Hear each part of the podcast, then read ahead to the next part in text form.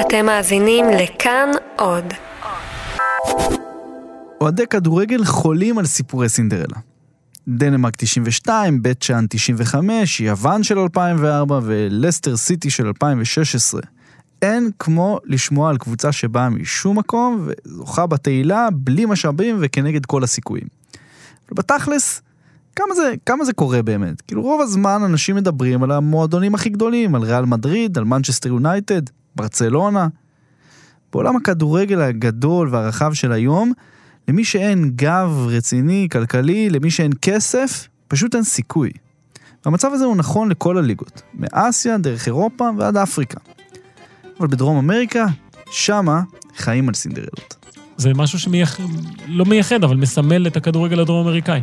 אני אורי לוי ואתם על שער, הסכת הכדורגל של כאן ובבא גול, והיום, אחרי שביקרנו בלא מעט קבוצות גדולות ומועדוני ענק, נתמקד דווקא בקבוצה קטנה, אבל כזו שעשתה אימפקט אדיר. דפנסה איכוסטיסיה הוא מועדון קטנטן מפרבר של בואנוס איירס, והקבוצה עם אחד השמות המוזרים בעולם הכדורגל. אבל השנה היא שברה את כל השיאים של עצמה, כששבוע אחרי שבוע היא ניצחה את הקבוצות הגדולות של הליגה הארגנטינית, והעבירה כמעט עונה שלמה ללא הפסד.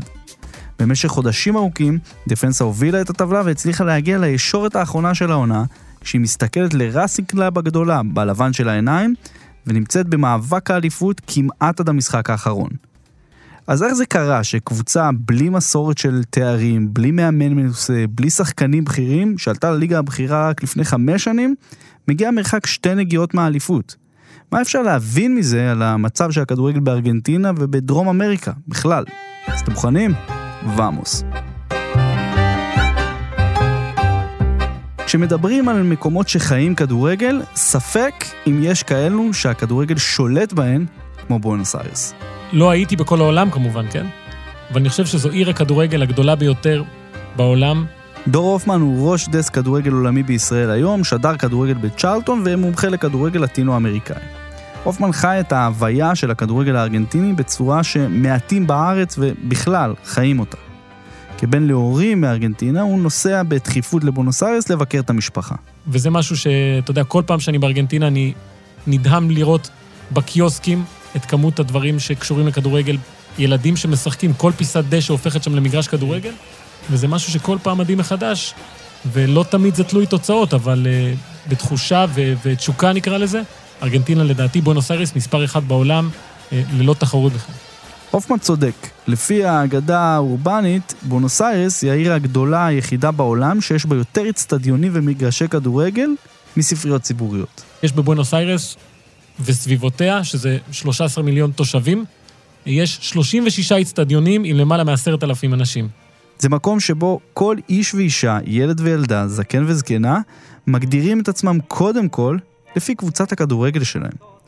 זה לא משנה אם זה נהג האוטובוס, הפרופסור, האופה של האמפנדס, חבר הפרלמנט או הקרטונרו שגורר את העגלה עם הקרטונים בשדרה המרכזית. בבונוס איירס, לכל אחד ואחת יש קבוצה.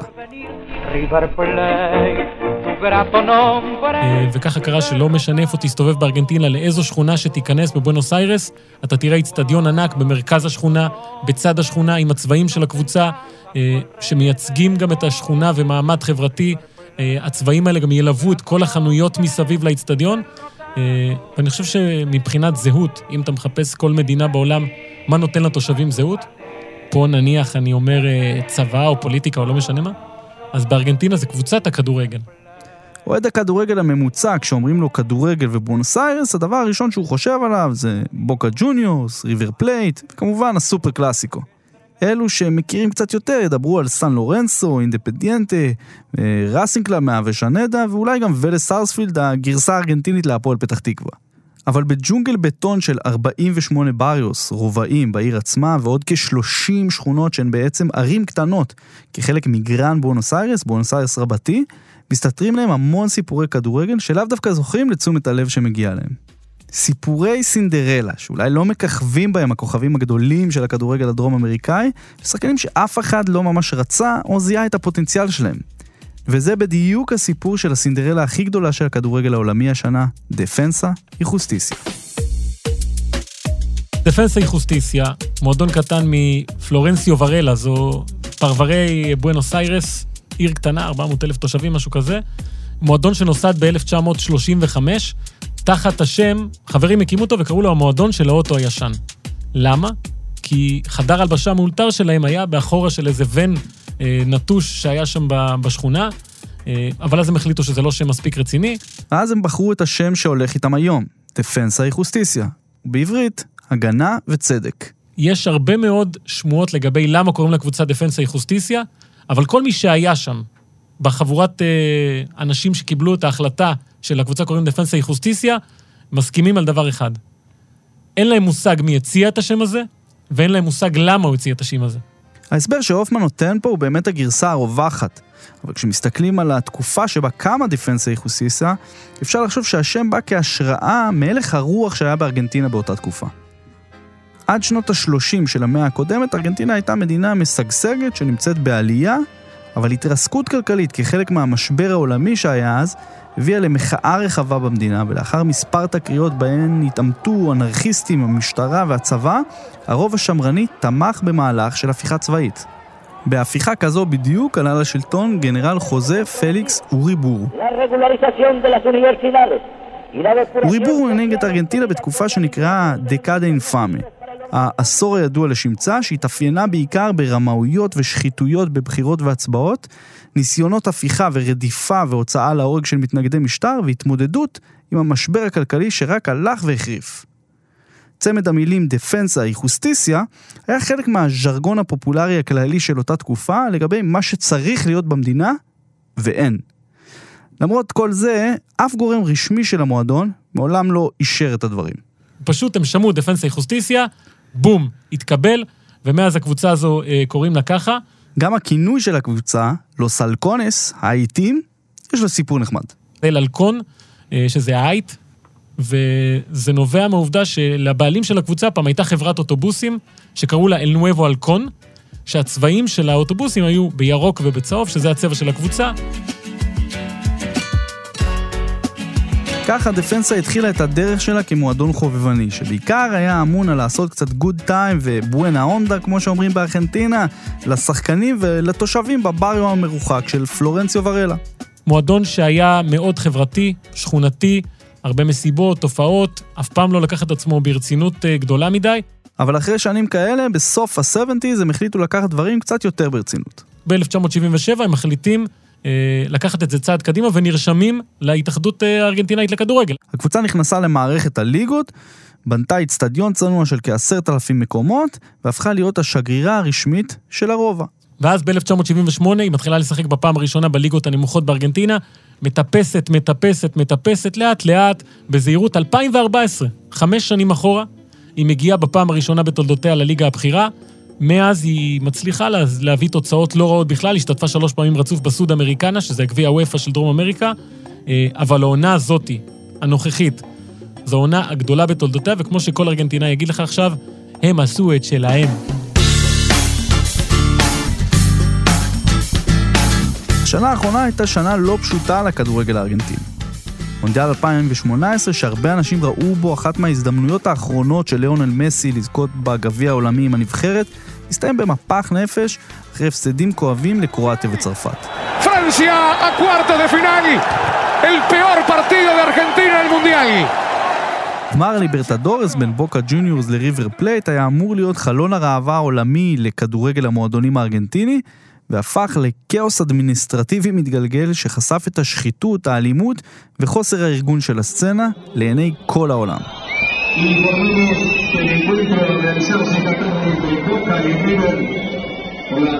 התקשורת הארגנטינית תהיגה את האירוע כוורגוונסה מונדיאל, בושה עולמית.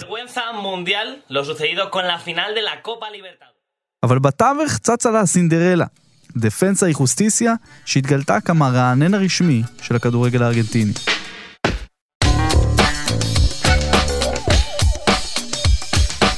צריך להבין שדפנסה איכוסטיסיה, למה אנחנו מדברים עליה ברמה כזו של סינדרלה? כי התקציב שלה הוא אחד הנמוכים בליגה, ההיסטוריה שלה היא אחת הדלות בליגה, אין לה הרבה קהל. בלי כמה מהמרכיבים ההכרחיים לקבוצת כדורגל הישגית, דפנסה גם לא מתהדרת בסגל מרשים. חוץ מחונס גוטיירס, שהגיע לקבוצה אחרי שנה באינדפדיאנטה, אבל נפצע בתחילת העונה ולא שיחק, שאר השחקנים הם אלמונים אפילו בארגנטינה. אם אתה מסתכל היום על הסגל של דפנסה חוסטיסיה, זה לא איזה קבוצה שיש לה עשרה שחקני נוער שפרצו פתאום לתודעה, זה קבוצה שיש בה שלושה זרים, שניים מפרגוואי, אחד מאורוגוואי, שני שחקנים שגדלו במחלקת הנוער, וכל השאר מציאות, כאלה שלא הצליחו באינדפנדיאנטה, ראסינג, ניואלס, ולס, כאלה. אה, בשלהי הקריירה, גם לא 18, 19, 23, 24, זה אולי הגיל הממוצע. מבט חטוף על הסגל של דפנסה מסביר הכל. אזקיאל אונסאין, ליסנדרו מרטינס, אלכסנדר ברבוסה, דומינגו בלנקו, ניקו אובה פרננדז ופרננדו מרקס הם השמות הבולטים, וזה אומר המון.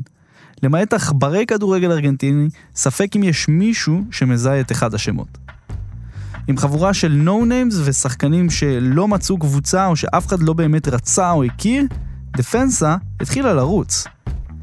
ניצחונות על קבוצות ענק כמו אינדפנדיאנטה, רוסריו סנטרל, ריבר פלייט, סן לורנצו, הפכו את הקבוצה להפתעת העונה.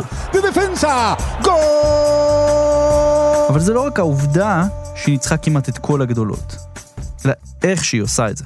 הייתה היחידה שלא הפסידה בליגה, אה, כל פעם שראסינג קצת התקדמה, היא סגרה את הפער, ומה שהיה מדהים לראות אצלה, זה היכולת להבקיע בדקות האחרונות. דפנסה הפכה לקבוצה של מאני טיים. עכשיו, אה, ניסיתי לאסוף שם את אה, כמות הגולים בדקות האחרונות, אז אנחנו מגלים שהקבוצה הזו כבשה 11 שערים, מדקה 80 ואילך, והשיגה עם זה 16 נקודות. יש משחקים של שערים בתוספת זמן, 88 ו-90, צמדים, אף פעם לא ויתרה, וזה מה שהפך אותה גם, אני חושב, לסיפור עוד יותר גדול, היכולת שלה כל הזמן להיות שם, למרות עמדת הנחיתות שאיתה התחילה. אם כל זה לא הספיק, לראשונה בהיסטוריה של המועדון, דפנסה שלחה נציגים לנבחרת. וליסנדרו מרטינס, שהיה כלום ושום דבר עד לפני שנה, זומן לנבחרת של ארגנטינה אה, על ידי סקלוני, יש את אה, דומינגו בלנקו, קשר בן 23, הגיע מ... מאינדפנדיאנטה, גם בהשאלה, לא כמעט, כמעט ולא שיחק. אה, פתאום הוא מקבל מקום, מזומן לסגל נבחרת ארגנטינה. יש זו קבוצה שלא היה לה בחיים שחקן בנבחרת, יש לה עכשיו שניים. אבל מה שהופך את העונה הזו לעוד יותר מרשימה מבחינתה, הוא המבנה הנוכחי של הליגה בארגנטינה. כנראה אחד הדברים המתוסבכים ביותר בעולם הכדורגל. הליגה הארגנטינאית עברה הרבה מאוד שינויים בשנים האחרונות. אנשים זוכרים אפרטורה קלאוסורה, שחילקו את זה לשתי עונות, אה, איניסיאל ופינל גם היה. אה, ובשנים האחרונות, וזה מה שמעצים אולי את ההישג של דפנסה חוסטיסיה, קיבצו את הכל יחד לעונה, בהתחלה זה היה 30, ולאט לאט התחילו להוריד. כרגע העונה עומדת על 26 קבוצות, של uh, סיבוב אחד, כולם נגד כולם, זאת אומרת 25 מחזורים, וזה לא קל, כי הרבה פעמים קבוצה קטנה, יכול להיות שהייתה שם הגרלה, יכול להיות שלא, צריכה לשחק מול הגדולות בחוץ, נקרא לזה, כדי שייכנס כסף כמובן וכל הדברים האלה. אז העונה הזאת היא הייתה באמת עונה לא פשוטה בכלל, של uh, 26 קבוצות, אה, פרק זמן קצר, הרבה מאוד משחקים, הייתה פגרה באמצע, אה, ולראות את אה, דפנסה מחזיקה את כל הדבר הזה, מההתחלה. זה אני חושב מה שמעצים את ההישג הזה. ההפסד הראשון שלהם העונה הגיע רק בסוף פברואר, אז בוקה ג'וניורס וקרלוס טווס ניצחו אותה 1-0 קטן באצטדיון בוורלה, משחק בו דפנסה שכבה על השער של בוקה וסיפקה 43 בעיטות כל המשחק. זה לא גרם להם לעצור. דפנסה הובילה את הטבלה ביחד עם ראסינג קלאב, כשהשתיים מחליפות מיקומים ונשארות צמודות כל מחזור.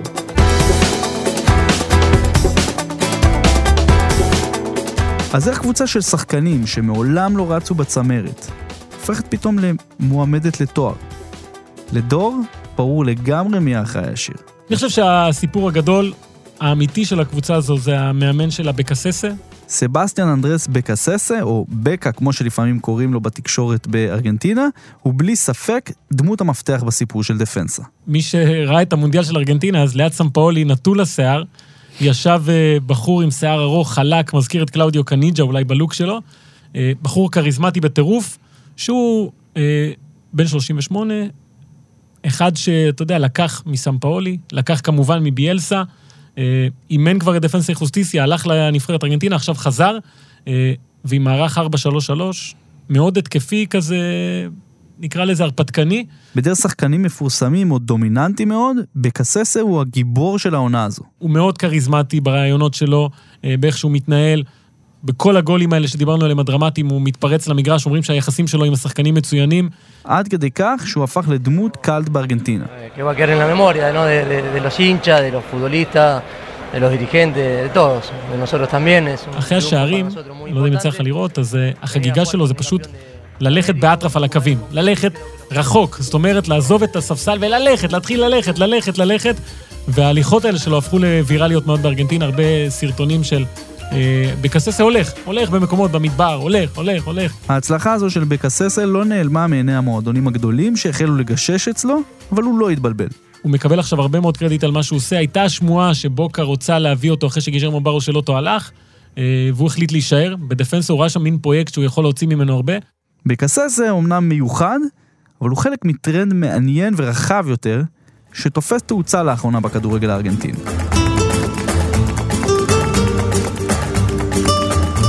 אז אחרי הרבה שנים שבהם מאמנים מבוגרים יותר עמדו בפרונט של הכדורגל הארגנטיני, בדרך כלל גם בוגרי דור 78 או 86 שזכו בגביע העולם כשחקנים, אנשים כמו פסרלה, בילארדו, מנוטי, דיאז, בטיסטה ואחרים, עכשיו משתלטים על הכדורגל הארגנטיני מאמנים צעירים, שאפתניים, אבל גם חסרי ניסיון. ואתה יודע, אתה מדבר על מאמנים צעירים, צריך לזכור מי מאמן היום את ארגנטינה, ליאונס קלוני. אה, שחקן עבר לא רע, לא מדהים, אבל לא רע, עשה קריירה יפה באירופה. אה, קיבל את הנבחרת כי אף אחד לא באמת רצה אותה. עוד מעט קופה אמריקה, וארגנטינה כרגע בלי מאמן אמיתי, נקרא לזה ככה.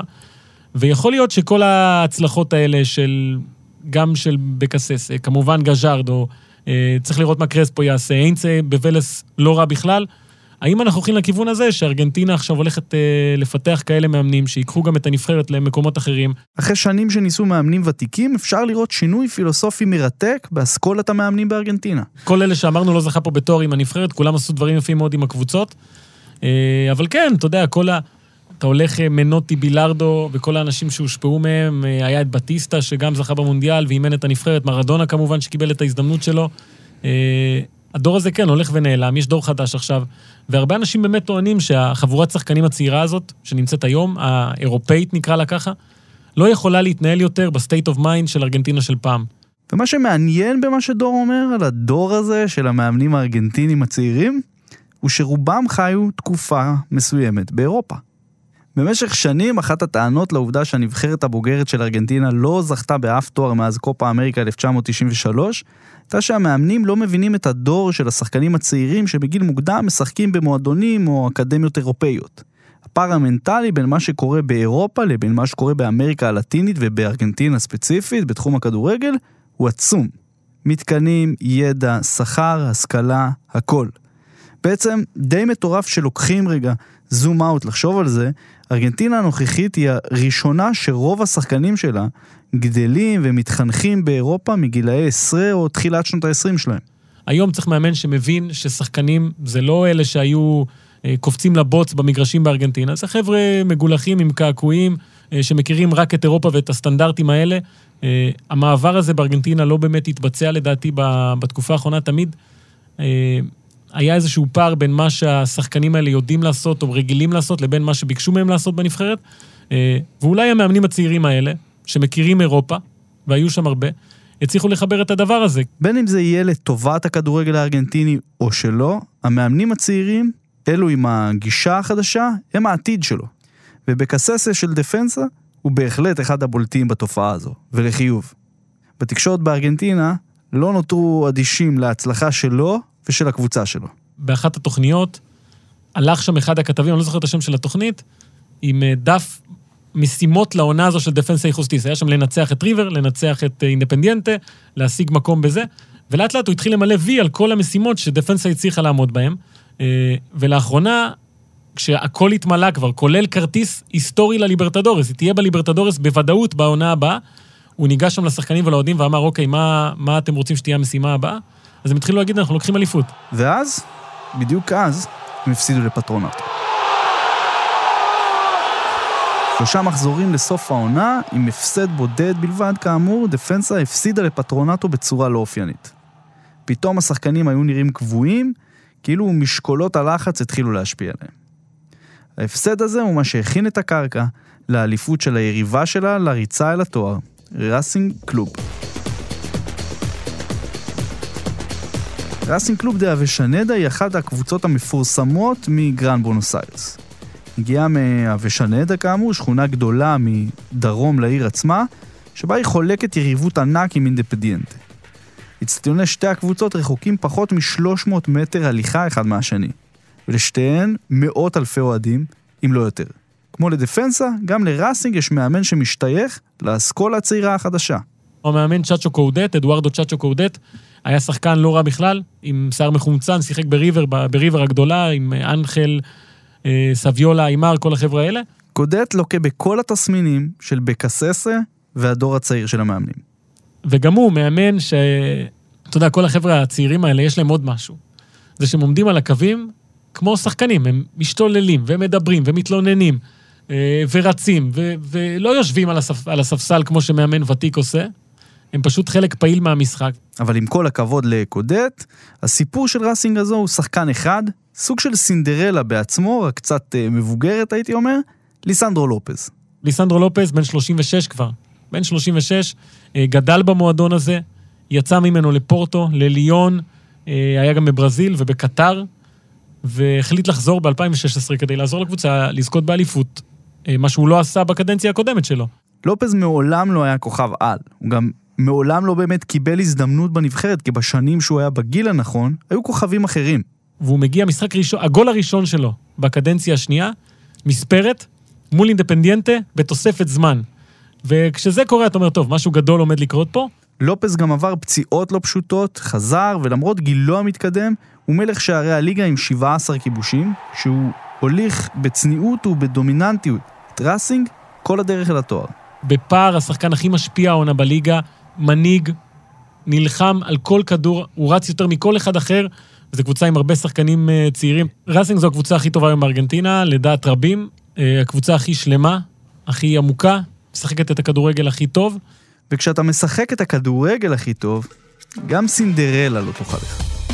ביום ראשון, ה-31 במרץ 2019, ראסינג עם 4 נקודות יתרון על פני דפנסה בטבלה, יצא למשחק אצל טיגר שהייתה אז בכושר טוב, בעוד שבפרבר הקטן של פלורנסיו ורלה, באיצטדיון תמגלו, 18 אלף איש ואישה מהשכונה נדחסו ביציעים עם אוזניות של לשמוע מה קורה במשחק המקביל, וראו את דפנסה נגד אוניון כשהם מצפים לנס.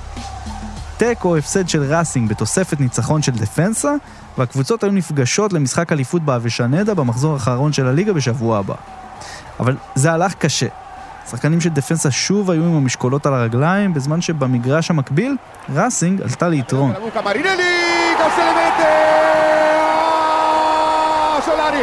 במצב הזה, היא האלופה. דפנסה לחצה וניסתה, אבל כלום לא עבד. ואז פתאום, בדקה ה-90 ומשום מקום במתפרצת, אוניון עשתה 1-0. מנדה! גולוטי! גול! ודווקא כשהיה ברור שראסינג כבר תהיה אלופה, הכדורגל הארגנטיני והסינדרלה שלו לא ויתרו. בהתחלה טיגר השוותה לאחת אחת מבעיטה חופשית שעברה מתחת לגוף של השוער של ראסינג אריאס, אחרי שריקה גבולית לפאול על סף הרחבה בדקה ה-94. באותה דקה בדיוק נפסל שער לדפנסה בטענת נבדל, אבל שתי דקות אחר כך כל התומגלו היה על הרגליים, שער שוויון בדקה ה-98 של מתיאס רוחס מביתה חופשית שעברה גם דרך הידיים של השוער. למרות שהיה ברור שזה כבר לא יעזור, פתאום הרוח של הסינדרלה שוב נשבה. שוב גול בדקות האחרונות. ופנטזיה קטנה על זה שאולי עוד יש סיכוי. אבל כמו בסיפור של סינדרלה, בחצות הקסם נגמר, וקצת אחרי שתיים בלילה שעון ישראל, השופטים שרקו לסיום, וראסינג זכתה באליפות ארגנטינה.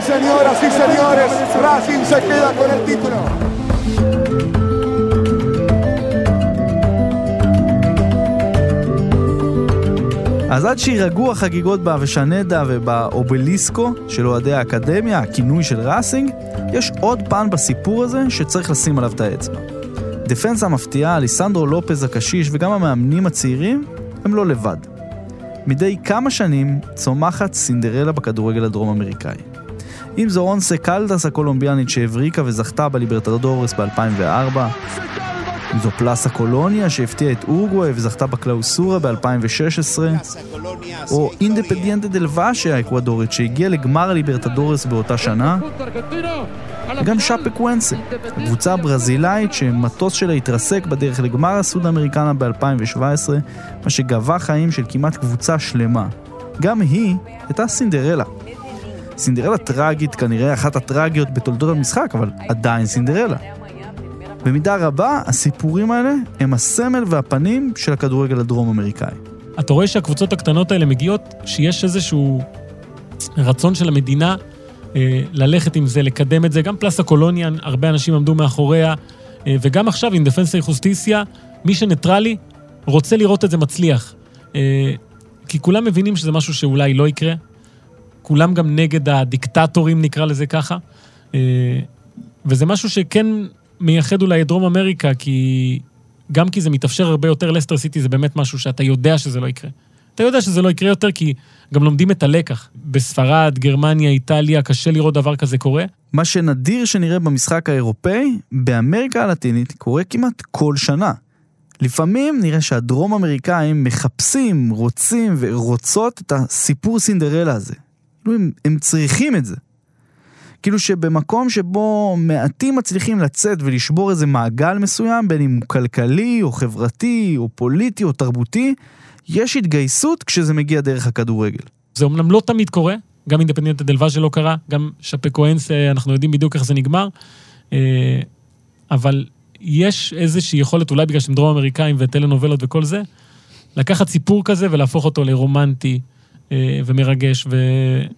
וכן, זה משהו שלא לא מייחד, אבל מסמל את הכדורגל הדרום-אמריקאי. אז איך זה קורה בעצם שפעם בשנה מדינה, ולפעמים אפילו יבשת, מתאהבת בקבוצה אחרת, בשחקנים ומאמן אחרים, בסיפור אחר? אני חושב שכל העניין הזה של הכניסה של הכדורגל האירופי והדחף של שחקנים דרום-אמריקאים ללכת לשם, בטח הטובים יותר, אה, יוצר מצב שזה מתאפשר, כי קבוצות קטנות שומרות על הנכסים שלהם, הקבוצות הגדולות מאבדות, ואז יש אפשרות לספר את הסיפורים האלה והסיפורים האלה הם מה שגורם גם לנו, כאנשים שחיים את הכדורגל המודרני, להתאהב שוב בכדורגל הדרום-אמריקאי.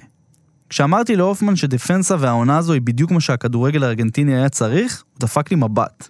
מעניין, מה שאתה אומר זה מעניין, אבל uh, אני חושב שהארגנטינאים דווקא היו רוצים, הארדקור הארגנטינאים היו רוצים לראות דווקא את הקבוצות הגדולות uh, שולטות, כמו שאמור לקרות בליגה, נקרא לזה בריאה חולה. שהכסף הגדול מנצח, ואז אתה אומר, אוקיי, העסק עובד. ויש הרבה במה שהוא אומר. זאת אומרת, אם הכדורגל הארגנטיני צריך איזה דפנסר חוסטיסיה שתעזור לו, כנראה שלא הכל במקום שלו. אני חושב שהעסק בארגנטינה לא בדיוק עובד עכשיו עם... אומנם ריבר ובוקה הגיעו לגמר ליברטדורס, אבל בליגה הן לא במאבק האליפות, אה, ואני חושב שקשה לקבוצות היום לייצר אה, עליונות. מה שקורה, אתה רואה בליגות הגדולות באירופה, שהקבוצות הגדולות הן החזקות ביותר, מביאות את השחקנים החזקים ביותר. בארגנטינה זה הפוך. שחקן טוב, בגיל 19, 18, 20, הולך בין אם זה לאירופה, כמו שראינו עכשיו את חואן פויט, ליסנדרו מגז'אן או בלרדי, או למקסיקו וארצות הברית, ששם יש הרבה יותר כסף.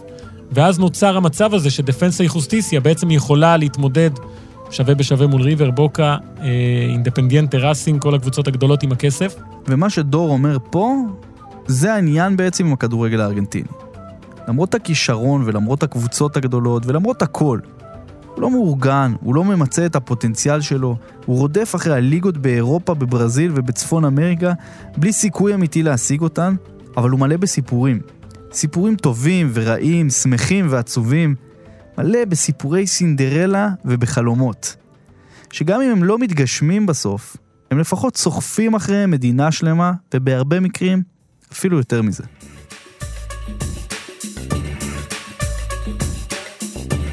זה היה השער של השבוע. אפשר להקשיב לנו באתר ובאפליקציית כאן, בכל אפליקציות הפודקאסטים וגם בספוטיפיי. תעשו לנו subscribe ותדרגו אותנו ב iTunes ותעשו טובה, תשלחו את הפרק הזה או פרק אחר שאהבתם לחברים. אתם מוזמנים להצטרף גם לקבוצת הפייסבוק שלנו, שער, הסכת כדורגל מבית כאן ובבא גול, יש שם לא מעט דברים שיכולים לעניין אתכם. אז תודה רבה לרום אטיק העורך המסור, לדניאל שמר המוכשר על הסאונד, לירדן מרציאנו היקרה על העזרה בעריכה, ליוסי מדינה האחד והיחיד על התחקיר, אני אורי לוי, Keep Football Real.